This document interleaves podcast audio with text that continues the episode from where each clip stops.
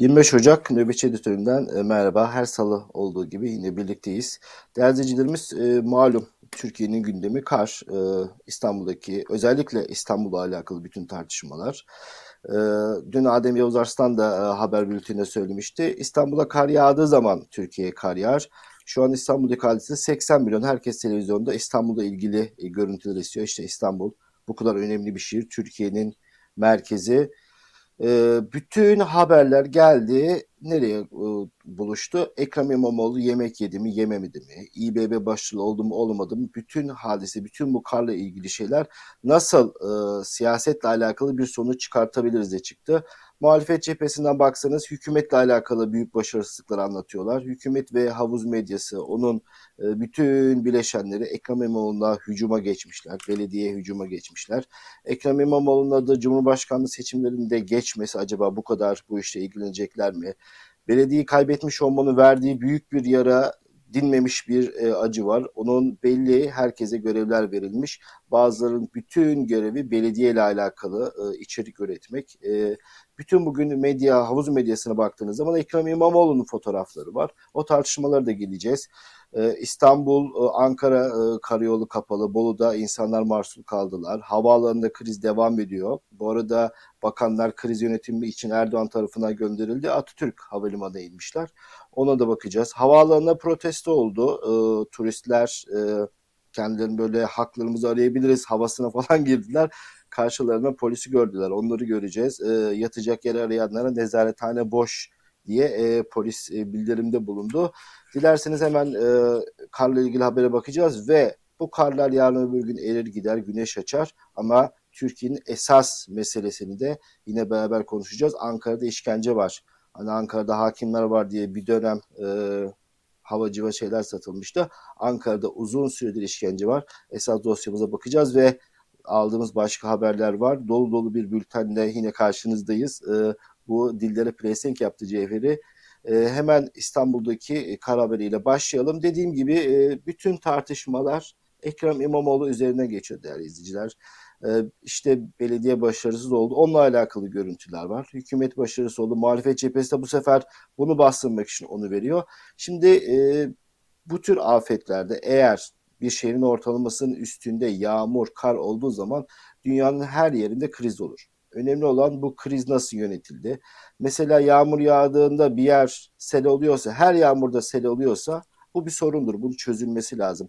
Kar yağdığında her yerde aynı sıkıntı oluyorsa bunun artık kriz senaryolarınızda bunu bilinmesi lazım. O yüzden muhalefeti de iktidarı da çok kötü bir sınav verdi. Ama bütün tartışma tamamen e, seçim endeksi olduğu için bu karda kışta çalışan, emek veren, yolların açılması için çalışan insanlara çok büyük saygısızlık var. Ee, herkes evinde sıcak e, koltuğunda tweet atıp trollük yaparken karda kışta çalışan insanların emeğine çok büyük saygısızlık var. Onu da e, ifade etmek lazım. İşte dedim Ekrem İmamoğlu yemek yedi mi yemedi mi hadisesi ne diye merak ediyorsanız dün akşam 6 civarında daha kar başlamadan önce bir balık lokantasında eşiyle İngiltere Büyükelçisi ve onun eşiyle Ekrem İmamoğlu bir yemek yemiş. Bunun e, fotoğrafları paylaşılmaya başlandı. Büyük bir tartışma oldu. E, işte Fatma Betül Sayan Kaya en fazla tepki çekenlerden bir tanesi. Bu tweet ekranda kalsın arkadaşlar. İmamoğlu'nun e, ne diyor? Kadınlar, yaşlılar, bebekler yollarda ağaç, susuz kalmışken balık keyfi yaparak belediye başkanlığı yapılmaz. Şimdi bir kere balık keyfi yaparak hani rakı balık daha sonra troller buna da yükleniyorlar. Bunu söyleyince e, diğer sosyal medya kullanıcı dedik ya bu görüntüler yazdan kalma işte garsonun e, kısa kollu tişörtü var. Daha sonra başka fotoğraflar çıktı ki Ekrem İmamoğlu yemek yemiş. Birazdan İmamoğlu'nun e, şeyine de bakacağız. Attığı tweet'e de bakacağız. Şimdi tabii e, bir şeyi yakalamışlar. E, Türkiye İstanbul'da büyük bir kar haberi var. Ekrem İmamoğlu da İngiliz Büyükelçisiyle yemek yemiş 18'de. Balık restoranı sahibiyle konuşmuşlar. Bir ay önce yapılan bir rezervasyonmuş saat 6'da geldiler, 7'de ayrıldılar diye. Arkadaşlar e, bu Hollanda Fatih'in tweet'i kalsın. E, buna daha sonra geçeceğiz. E, onun üzerine konuşma devam. Evet bu ve başka fotoğraflar da var. Diğer işte garson kısa kolu olunca birçok insan buna inanmadan önce ya böyle bir fırtınada herhalde gidip balık yememiştir diyerek Ekrem İmamoğlu'nu savunmaya geçenler oldu. Ama diğer fotoğraflarda böyle montlu insanlar da var. Birincisi balık keyfi. Bu çok ayıp bir ifade. Hani balık keyfi yapmaya gitmediği belli. Büyük e, Büyükelçiyle görüşmüş ve bir saat kalmış. Bir saatlik çok uzun bir şey değil ama Ekrem İmamoğlu'nun da bunu düşünmesi lazım. Kardeşim çok büyük bir e, karın geleceği belli. Sen kriz toplantıları yapmışsın. Akon vesaire alarmda olmuş. Yani İngiliz Büyükelçisi ya. Yani İngiliz Başbakanı değil yani neticede. Yılda bir, iki yılda bir Türkiye'ye gelen bir adamdan bahsetmiyoruz. Alt tarafı bir büyükelçi.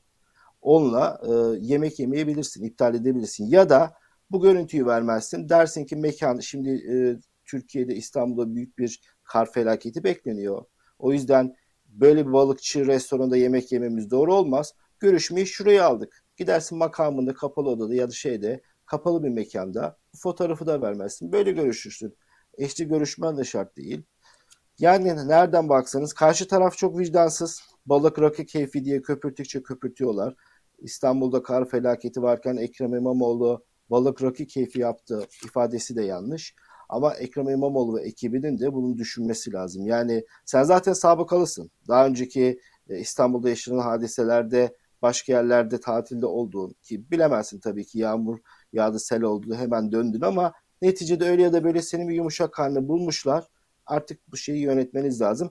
Ekrem İmamoğlu buna cevap verdi. Uzun bir süre e, muallakta kaldı. Kardeşim gittin mi gitmedin mi? Kimisi restoran sahibini yalanladığını söyledi. Sonra restoranda e, ses kayıt birisi telefon etmiş. Geldiler gittiler bir saat bir saat kaldılar.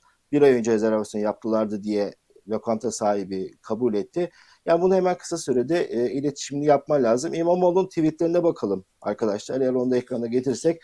Ekrem İmamoğlu diyor ki ya bütün Türkiye'de büyük bir felaket var. İşte Ankara-İstanbul yolu kapandı. Şey diyor yani Ulaştırma Bakanlığı'na bağlı. Devlete, hükümetin şeylerini söylüyor Ekrem İmamoğlu. Yeni havalimanı yine hükümete yönelik bir şey. Bağlantı yolları hükümete sorumluluğunda olan şeyler. Oralarda büyük sorun var. Ama vurun abalıya misali bir saatlik yemek molamız diyor. Bunun seri tweetleri de var. Belki almamış olabiliriz. Yani bir saatlik yemek almışız. Bir saatlik yemek molamız. Bakın ne diyor? Binlerce çalışanımızın emekleri ortadayken 19 saatlik mesaide bir saatlik yemek molamın neden gündeme yapılmaya çalıştığı malumdur. Milletimiz bu hazımsızlığı iyi bilmektedir. Evet, e, bu da e, yemeği savundu. Dediğim gibi e, balıkçıya gitmeyebilirdin, programı değiştirebilirdin. Ne olacak yani Büyükelçi orada değil de burada deyince gelmeyecek mi? Dediğim gibi e, her iki tarafında çok büyük e, nasıl söyleyeyim propaganda yarışında çok acı bir şey. Olan kim oluyor? Olan İstanbullu oluyor. Olan karda kalmış insanlar işte e, hükümet medyası Ulaştırma Bakanlığı'nın çalışmalarını anlatıyor. Belediye diyor ki size ait yolları dahi biz açtık. Ya bir kere sizler kimlersiniz? Hepiniz bizlerimiz vergileriyle zaten bu işleri yapmak için varsınız. Ben e, o kadar yer gezdik. Dünyada yapması gereken şeyi yapıp da bunu halkın e, propagandasını yapan, başına kakan başka bir şey görmedim. Muhalefeti de iktidarı da bir. İzmir'de deprem olur. İzmir Belediye Başkanı algı şov için çorba dağıtır. Senin görevin o değil. Ee, bakan enkazın üzerine çıkar. Aşağıda hayat mayat mücadelesi veren kişiyle telefonla görüşür. Onun danışmanı fotoğrafını çekmek için hepsi e, enkazın üstüne çullanır. Ormanlarımız yanar, Cumhurbaşkanı çıkar. Burası zaten Büyükşehir'in kontrolünde der. Anlaşılır ki yangın söndürme uçağın bile yok. Maalesef bu kutuplaşma bizi bitirecek. Yani kutuplar kadar kar yağmadı ama bu kutuplaşma bizi bitirecek. Her olayda birbirimize giren e, muhalefet iktidarı, e, birbirine giren bir Türkiye maalesef suçun büyük bir kısmının iktidarda olduğunu şey yaparak söylüyorum. Altını çizerek söylüyorum. Neden? Çünkü sizin elinizde yönetme kabiliyeti sizin elinizde. Siz bu ortamı oluşturuyorsunuz. Niye? Ekrem İmamoğlu Cumhurbaşkanlığı adayı olduğu için. Bilmiyor muyuz neden bu kadar propaganda haberi yaptığımızı. Ama dediğim gibi kaybeden Türkiye oluyor. Kaybeden hepimiz oluyoruz. Ve e, maalesef ben hep bir Türkiye için hayırlı çöküş e, dileğindeyim. Çünkü bu kolay kolay düzelecek bir şey değil. E, bir millet yok yani karşımızda. Tek bir acıda böyle birbirine kenetlenen bir millet kalmamış. Kar felaketi olmuş. İnsanlar yollarda. Herkes buradan nasıl bir siyasi rank çıkarırın peşinde. E, bu karla ilgili e, ayrıntılardan bir tanesi de havaalanında yaşandı. Şimdi onun görüntüleri gelsin e, arkadaşlar. Şimdi e, öncelikle bundan önce şu gelsin. E, biraz önce ekrana yanlışlıkla getirdiğimiz bir görüntü vardı. O yolcu haklarıyla alakalı. Bunu sivil havacılığın web sayfasından aldık değerli izleyicilerimiz. Yolcular haklarınızı bilin diye bir yer var. Orada diyor ki iradeniz dışında uçuşa kabul edilmezseniz ne haklarınız var? Her şey kurala bağlanmış. İşte 2-3 saat gecikme olursa sana içecek vermesi lazım. 3-5 saati geçerse sana yemek vermesi lazım. 5 saat geçerse şöyle böyle bir veya daha fazla gece konaklama gerektiğinde otelde veya uygun bir konaklama tesisine konaklama. Şimdi bu bir yolcu hakkı. Bazı hava yollarının şöyle e, şeyler oluyor, açıklamalar oluyor. Dünyada da böyle. Bizim dışımızda kaynaklanan bir sebepten dolayı biz size bu imkanları sağlamayız. Yani hava yolları da var artık hava yollarının kalitesine göre ama bu sivil havacılık bütün herkesi bağlayan e, kurallar koyduğu için neticede e, konaklama imkanı sağlanmasını yolcular bekliyor. Özellikle e, yabancılar zaten bu eylemi yapanlar. Şimdi e, hemen o görüntülere geçelim. Küçük bir grup ama daha sonra destek verenler oldu. İnsanlar mağdur olunca işte otele ihtiyacımız var, otel istiyoruz diye sloganlar atmaya başladılar. Bu arada havaalanında herkese e, kartonlar dağıtılmış üzerinde yatılması için. E, peki e, bu eylemden sonra nasıl bir e, karşılık oldu? Bir yetkililer gidip bu insanlarla konuşup e, size yardımcı olacağız diye bir şeyler mi? Hayır. Bunların karşılarına e, çevik polisi dizmişler. Pasaport polislerini de ilave edip şimdi birazdan o fotoğraf da o görüntüler de gelecek. Bunların karşısına polisleri dizmişler işte böyle bir imaj olur. Ya ülke ancak bu kadar tanıtılabilir. Bence çok doğru yapmışlar. Çünkü öyle Sultanahmet'e git, Ayasofya'ya git, Boğaz'da balık ye, Türkiye'yi gördüm diye dön. Bu çok yanlış bir Türkiye fotoğrafı. Türkiye bundan ibaret değil. İşte Türkiye şu an bir derdinizi söyleyip slogan attığınızda karşınıza çıkan polis. Esas Türkiye manzarası bu. Tam böyle gider ayak bunu yakalamışsınız. Gerçek bir Türkiye fotoğrafını görerek e, Türkiye'den ayrılıyorsunuz. E, uçuşlar daha biz yayına girdiğimizde kısa bir süre önce bir uçuş yapılmıştı. Hala kapalı. Şimdi arkadaşlar o havaalanının bir o görüntüsünü bir görelim. O havaalanının üzerine konuşmak lazım. Yani burası yine havalimanı. İGA. Şimdi birazdan böyle bir kişi ayağını kara atacak. Bu da temizlenemeyen pist. Yani havaalanında böyle olmaz. Tamam İstanbul'un bazı yerlerinde olur ama havaalanında pisti temizleme lazım. Çok uyarıldı. İklim olarak uygun bir yer olmadığı söylendi. Öyle ya da böyle e, kocaman devasa bir havaalanı yaptılar. Ama havaalanında temizlemiyorlar. Evet e, yılda ya da çok ender olarak inanılmaz bir kar yağışı olur. Kriz olur ama bir şekilde temizlersin. Bir kriz çözümün olur. Görüyorsunuz bunlar hiçbir şey yapmamışlar. Neredeyse adamın dizine yaklaşan bir kar var. İstanbul'daki havaalanında bu. E, yurt dışındaki havaalanlarda kar yağdığı zaman temizliyorlar. İşte Barbaros Şansal Cenevre Zürih Havalimanı'nı söylemiş. Her yer pırıl pırıl. Niye? Devamlı kar yağdığı için bazı tedbirleri var. Ama İstanbul Havalimanı gerçekten çok kötü bir şeyde. Evet turistlere de e, bir Türkiye tanıtımı da yapmışlar. Yavaş yavaş e, şu an İstanbul'da tekrar kar yağdı. Tekrar kriz bekleniyor. Yine e, devlet dairelerinde mecbur olmayan insanların e, mesailerini evde yapacaklar. Özel sektör zaten büyük bir çoğunlukla masa başı e, diyebileceğimiz çalışanların zaten evlerinde çalışmasını e, söylemişti. Yani olabildiğince insan sayısını azaltmak lazım. Olabildiğince araç sayısını azaltmak lazım. Zaten bu tür yaklaşan e, kar, e, yoğun kar yağışlarında, felaketlerde en önemli yapılması gereken bu. Ama meteoroloji Türkiye'de çok gelişti. Neredeyse saatine kadar ve hangi yoğunlukta yağacağına kadar e, bildiriyor. Buna rağmen e, önlem almıyorlar. İşte meteoroloji bildiriyor akşamüstü saatlerine kar yağacak. Çok yüksek miktar yağacak. E sen bunu önlem alıp adamı 6'dayken yarın gelme demene gerek yok. Adam zaten yolda kalmış. Adamı yola çıkartmama lazımdı. Maalesef e, bir şeyler yaşandı. Çok büyük sorunlar yaşandı. Ama dediğim gibi e, birkaç gün sonra güneş doğar, havalar ısınır. Bunlar unutulur. Ama Türkiye'de unutulmayacak şeyler var demeden dünden kalan önemli bir haber vardı. Biliyorsunuz doğalgaz kesintileri var. Özellikle sanayi etkiliyor. Neden özellikle sanayi etkiliyor? Çünkü evleri kesemiyorlar. Bugün iki bakan da açıkladı. Varank da açıkladı. Varank bu arada balık rakı keyfine girdi. İşte balık tuzlayarak değil yolları tuzlayacaksın dedi.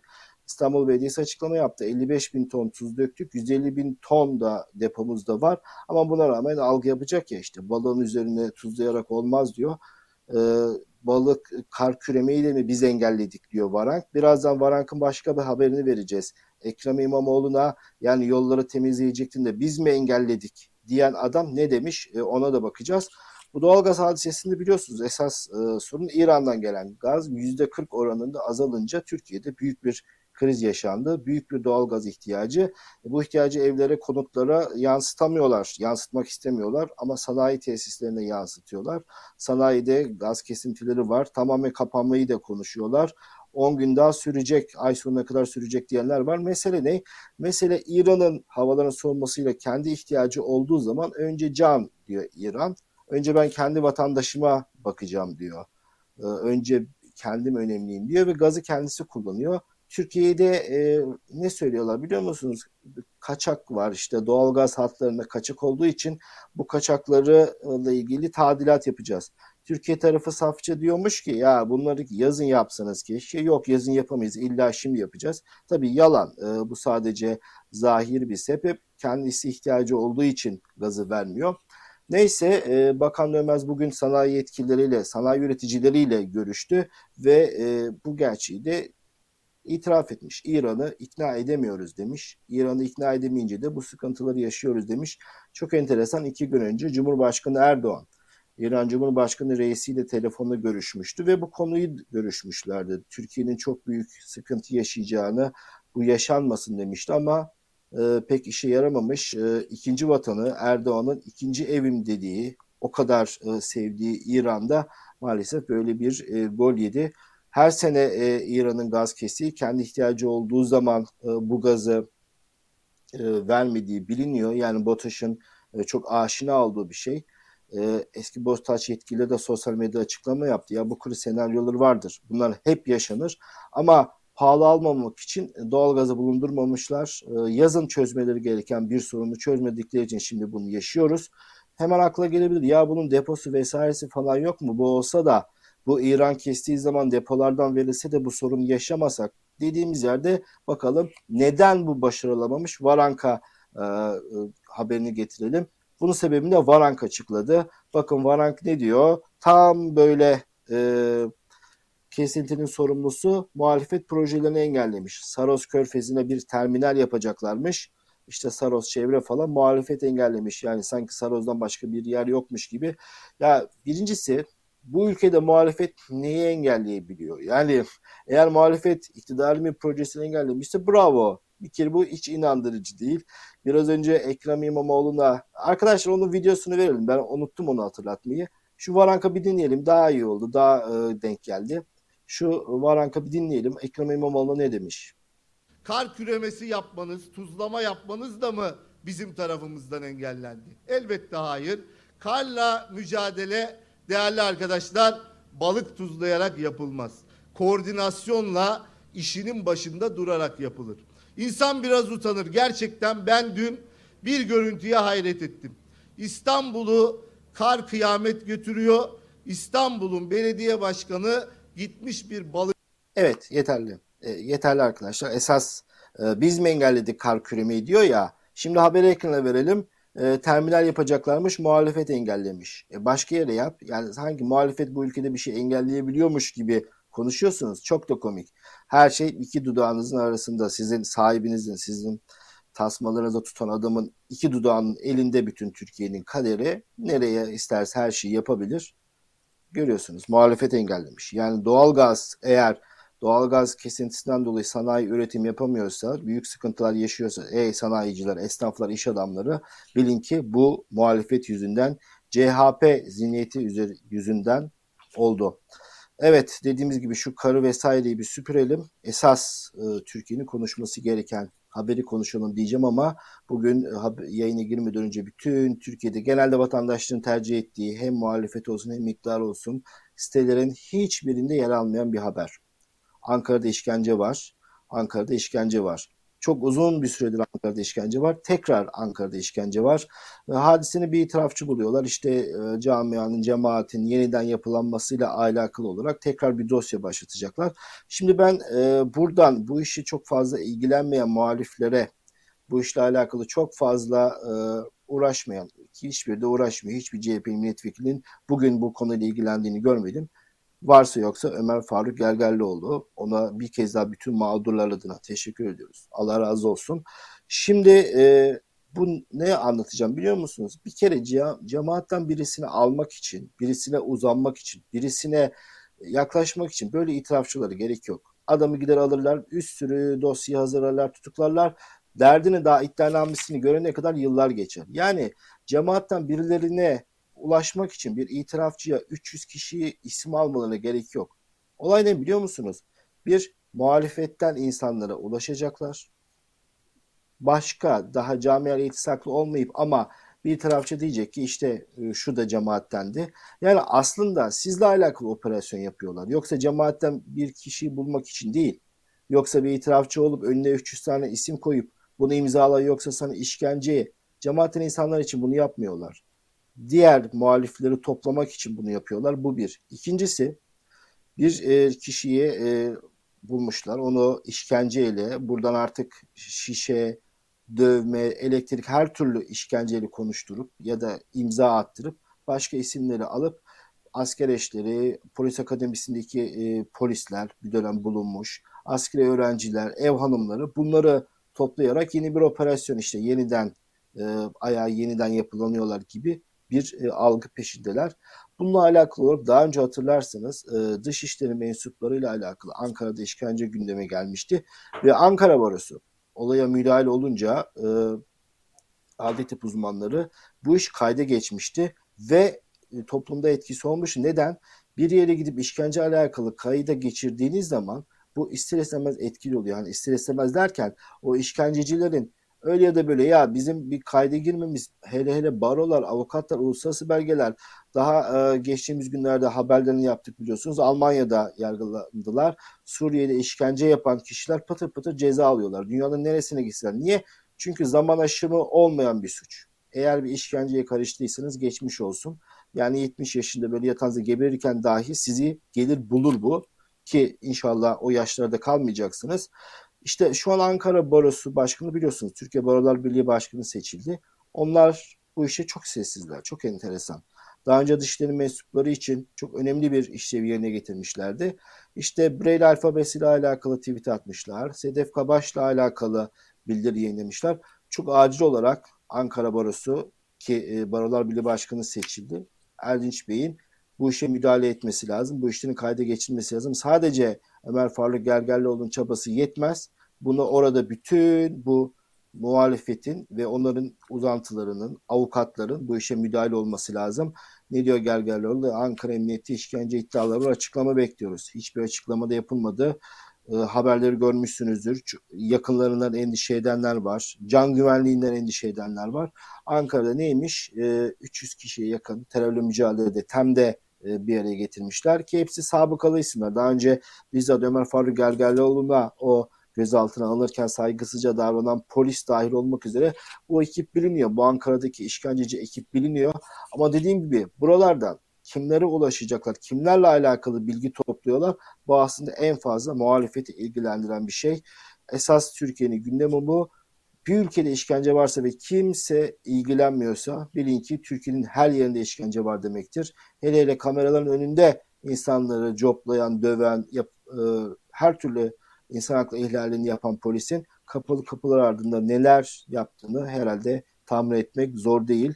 Türkiye'de ihlal üzerine ihlali var ve bu ihlaller bir süredir ahimde dava olarak dönmeye başladı. Ahim'deki davaların belli bir süresi var. Belli bir süreden sonra e, karara bağlanıyor. Uzun sürüyor. Bürokratik bir yapı. Deniz Yücel. E, bu Deniz Yücel kim? Türk-Alman e, gazeteci biliyorsunuz. E, Die Welt gazetesinin Türkiye muhabiriydi. İşte PKK liderleriyle görüşme yaptı vesaire aldılar. Ahim'e başvurmuş adil yargılanmadığı ve insan e, hakları ihlal edildiği için Ahim karar vermiş hem Türkiye tazminatı hem de birçok maddeden e, Türkiye'yi ihlal gerçekleştirdiğine karar vermiş. Diyor ki bir kere makul bir sebepten dolayı gözaltına alınmadı. Yani e, gözaltına alınmak için bir sebep lazım. Bu sebep makul değil. İkincisi ifade özgürlüğü ve güvenlik hakları ihlal edildi. Bunlar hepsi aslında o sözleşmenin çok ağır şartları. Yani biz böyle tekerleme gibi söylüyoruz ama ülke adına utanç verici şeyler ve 13.300 e, Euro'da e, tazminata mahkum etmiş. Biliyorsunuz Deniz Yücel serbest kalmıştı. Kendisi anlatıyor nasıl serbest kaldığını. Bir mahkemeye çıkıp serbest kalmadı. Cezaevinde kapıyı açtılar hadi gidiyorsun dediler. Kendisi bile şaşırdı. Sonra özel uçağa atlayıp Türkiye'den ayrıldı. Şu an Deniz Yücel, e, Erdoğan Deniz Yücel için ne demişti? Hepinizin hatırlarsınız. E, elimizde görüntüler var. Malum zaten elimizde görüntüler var bu iktidarın fix bir lafı. Deniz Yücel ile alakalı dedi ki elimizde görüntüler var.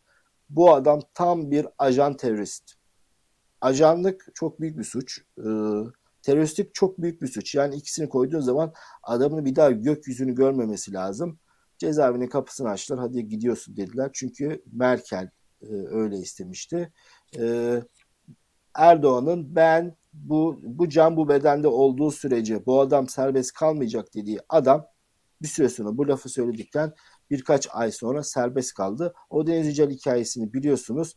E, herkesin Türkiye'deki e, herkesin terörist dediği çok da fazla sahip çıkılmayan Deniz Yücel'le alakalı olarak e, Uluslararası Yazarlar Birliği var. PEN diye geçer. Prestijli bir kuruluştur. Almanya'da onun başkanı seçildi. E, Türkiye'nin terörist dediği adam Ahim'de de Türkiye ihlal edilmişti. Bir rehine olarak e, alınmıştı zaten. Almanya ile pazarlık için alınmıştı ve pazarlıkların sonucu olarak da bırakıldı. Erdoğan ve o zaman Binali Yıldırım vardı. Tükürdüklerini tek tek yaladılar ama kimin umurunda Türkiye'de e, çok büyük bir oranda medya kendi kontrollerinde. Normalde gör, yan yana koysanız bu adam bu can bedende olduğu sürece asla çıkmayacak deyip ertesi gün özel uçakla terk ettiğinde yani büyük olaylar olması lazım. Tam bir ajan, tam bir terörist dediğin adam bir anda iki yıl ceza verdiler. O da sırf ceza almış olsun diye verdiler. Yani hep konuştuğumuz yazarlar hani bildiğiniz şeyler ama e, geniş güncel gelişme olduğu zaman da dile getirmemiz lazım. Bugün Robert Sapano, Ahim Başkanı, Başyargıcı, e, Başkanı diye geçiyor. Türkiye'de gelmişti hatırlarsınız. Erdoğan'la sarayda konuşmuştu. İstanbul Üniversitesi'nden utanmadan birçok akademisyeni atıp hayatını karartan İstanbul Akademisyeninden Fahri Doktor almış. O Türk yargıç var bir tane. Ben ona Truva diyorum. Erdoğan'ın Ahim'deki Truva Saadet Yüksel'le beraber Mardin'e gitmişti. Mardin'de de e, AKP'lilerle beraber fotoğraflar çektirmişti. Bu e, 2021 ile alakalı değerlendirmeleri açıklamış. E, Türkiye Rusya'dan sonra en fazla başvuru olan ikinci ülke.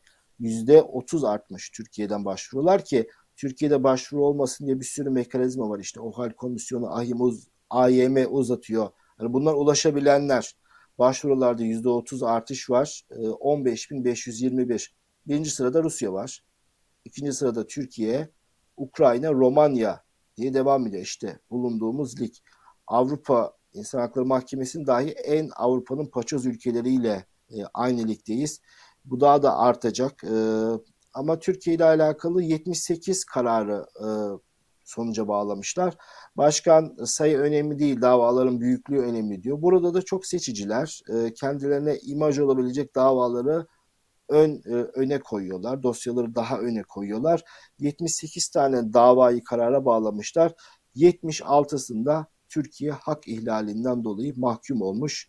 Düşünebiliyor musunuz? Yani bu ahime ulaşabilenler Türkiye her davayı kaybediyor. Bu siyasetin köpekleri Aynı zamanda kendileri de köpek adamların verdikleri kararlar bir yerde e, tabii ki ters gelecek ama utanmadan verdikleri, hiçbir vicdansızı olmadan verdikleri hak ihlalleri bir şekilde dünyada kayda geçiyor. Ama sayı çok yetersiz görüyorsunuz. Türkiye'de 78 tane davaya karar vermişler ki yüzlerce binlerce dava var. Bazılarını birleştiriyorlar. İşte hakimler için aynısını yapmışlardı. Çok ayrı başvuruları aynı mesele olduğu için birleştirmişlerdi. Bu davaların hepsi bir bir geri dönecek. Bu rejim yıkılmazsa hakimden ama elinde sonunda bir mekanizmayla bu haksız kararlar bir yerden dönecek diye umudumuzu taşıyoruz. Bu mücadeleyi devam ettirmek lazım. Bakın e, Bu ahime başvurmak, bu başvuruyu takip etmek gerçekten zor süreçler. Birçok insan büyük bir cesaret örneği göstererek e, başvurularını yaptı ve çok emsal kararlar çıkarttı. O yüzden o kararları peşinde koşan, başvuruları takip eden insanlara da bir kez daha teşekkür ediyoruz. Daha da devam etmek lazım. Ee, biraz önce Sedef Kabaş'la alakalı Barolar Birliği bildiri yayınladı demiştik. Bu e, AKP'nin MKYK'sında da gündeme gelmiş. Dündü e, Erdoğan'ın başkanlığında yani başka kimin başkanlığında olacak ki? E, Erdoğan'ın başkanlığında toplanmışlar. Sedef Kabaş gündeme gelmiş. Erdoğan demiş ki 81 ilde suç duyuruları var. Bunları iyi takip edin. 81 davada hepsi birleşecek tek dava olacak ama e, bu işin peşini bırakmayın. Niye? Şahsın kendisine hakaret var sözde. Bir atasözü hatırlarsınız işte öküz saraya çıkarsa öküz kral olmaz ama saray ahır olur. Bir Çerkez atasözüymüş. Bunu söylediği için e, sözleri çok çirkin bulmuş Erdoğan ve şahsına bir hakaret olduğu için de e, çok iyi takip edin demiş. Çok ilginç. E, esas bu haberi almamızın sebebi Erdoğan'a bu attıkları tweetlerin e, raporunu vermişler. İşte hashtagler açtı bunlar biliyorsunuz işte Sedef Kabaş haddini bil falan. Bunlarla tam 400 bin tweet atılmış, 20 milyon etkileşim olmuş. Artık MKYK'da e, bunlar konuşuluyor. Trollerin mesaisini konuşmuşlar değerli izleyiciler. Bütün e, bu haberlerden sonra bugün e, Nordic Monitor'un bir haberi vardı. Her şeyi anlatan bir haber anlatacağım şimdi size. Hani sağlık sorunları alakalı tahliye olur mu? terör suçundan işte 6'ya 3 alanlar e, mahkum e, tutuksuz mu devam eder, Yargıtay kararını bekler hepsini anlatan çok ilginç bir haber size paylaşacağım. Bugün Nordic Monitor'de e, yer alan bir haber. 2021'de Yargıtay'ın vermiş olduğu bir içtihat kararının içinde geçen ayrıntılar. Şimdi 2017 yılında e, arkadaşlar bunları şey birazdan geçelim çünkü bunları tek tek üzerinde e, konuşmayı düşünüyorum. 2017 yılında değerli izleyicilerimiz 7 kişi, ikisi çocuk, 5 e, tane yetişkin, bunların hepsi de yabancı. Üçü Azeri, biri Kazakistan vatandaşı kadın, biri de Bosna Hersek vatandaşı bir erkek. Bunlar Türkiye'ye geçerken Kilis yakınlarında jandarma bunları askeri bölgede durdurup yakalıyor. Ve bunların yakalandıkları yerde 3 kilo bomba, C4 patlayıcı, e, intihar yeleği, bu intihar eylemlerinde kullanılan yelek, el bombaları. Şimdi bunları ekrana verebiliriz arkadaşlar. Neler bulunduğu. Bunların yanında işte şimdi e, ekrana gelecek olan şeyler bulunmuş. Bunlar el bombaları, canlı yelek, patlayıcılar, fünyeler, bu bomba mekanizmasını kurmak için gerekli anahtarlar falan bunlarla beraber yakalanıyor. Ve e, tutuklanıyorlar. E, kendi ifadelerine göre işte istihbaratçılar geldi her şeyi anlatırsanız size bırakacağız dediği gibi de yemlenmişler. E, bazısı evet ben e, işit üyesiydim diye de etkin pişmanlıktan faydalanmak istiyorum demiş iki erkek. E, bunlar etkin pişmanlıktan faydalandılar. Neyse davalar sürürken bir tanesi şu an tekerlekli sandalyede bir kadın görüyorsunuz. Benim yürüme zorluklarım var deyip tahliyesini istiyor. Üçüncü duruşmada e, bunlar Haziran 2017'de yakalandılar. Kasım ayında kadını serbest bırakıyorlar. E, senin sağlık sorunların var diyor. Şimdi bir sürü sağlık sorunu olan insanların tahliyesiyle alakalı haberleri görüyorsunuz. İşte Yusuf Bekmezci var. Yoğun bakımda solunum cihazına bağlı onu dahi tahliye etmiyorlar. Aysel Toluk var demans geçiriyor. Hiçbir şey hatırlamıyor. Kendi ihtiyaçlarını gideremiyor. Onu tahliye etmiyorlar. Daha bir sürü e, hasta neredeyse ölüm döşünde insanlar onu tahliye etmiyorlar. Bu işit üyesi ben yürüme sıkıntısı yaşıyorum deyip tahliye oluyor.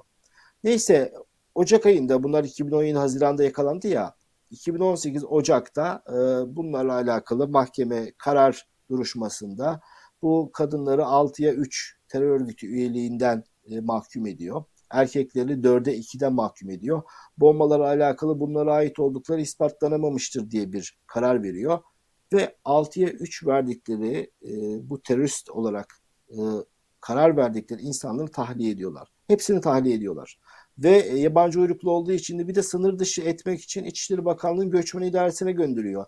Ya kardeşim bunların davaları onaylanırsa bunlar cezalarını infazda dönüşürse nereden bulacaksın bir daha bunları?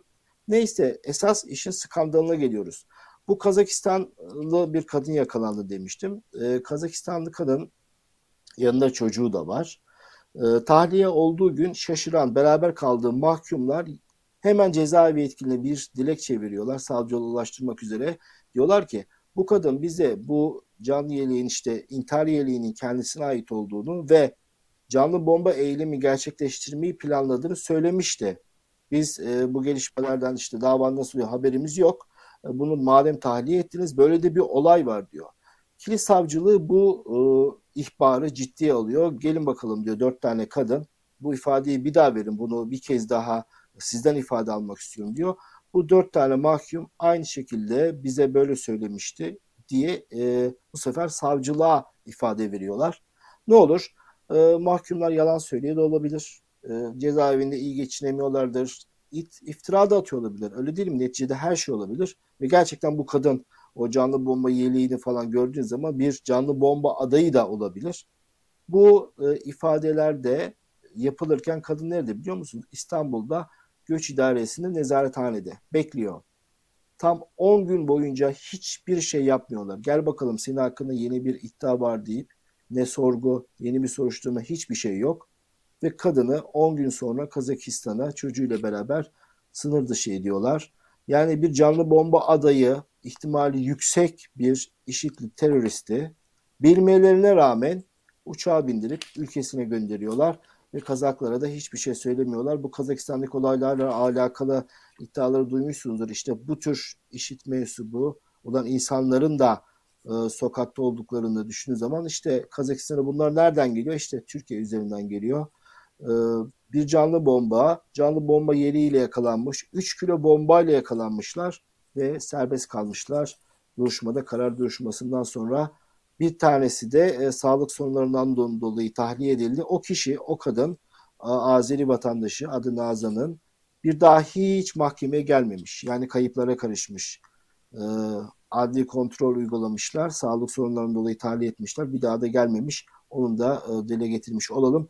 Değerli izleyicilerimiz izlediğiniz için çok teşekkür ediyoruz. E, yarın nöbetçi editörde Bülent Korucu sizle birlikte olacak. Hepinize hoşçakalın.